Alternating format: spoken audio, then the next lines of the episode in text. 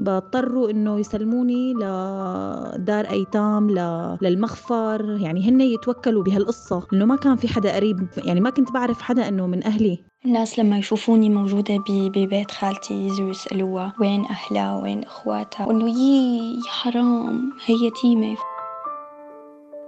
لهلا مستحيل انسى هذيك اللحظات لهاللحظات اللي وقعت فيها وأسعفوني ولهالجمعه اللي صار بنفس الليلة ولا حتى ثاني يوم حتى انه جابوا لي أكثر أكلات أنا بحبها كنت بهديك الفترة. حبيت شارك حكايتي حتى أقول إنه مو كل القصص اللي يتم حزينة وإنه التبني فرصة حياة وفرح للطفل وكمان للعائلة المتبنية. وأحكي لكم كيف المحبة الصافية والتربية الواعية عملتني إنسانة سعيدة وراضية ومليانة محبة لآخر يوم بعمري.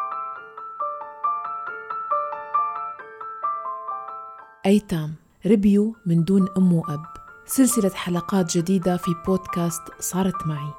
برافقكم فيه بالإعداد والتقديم أنا مها فطوم. كل يوم جمعة الساعة خمسة المساء بتوقيت الإمارات على راديو الآن وجميع منصات البودكاست.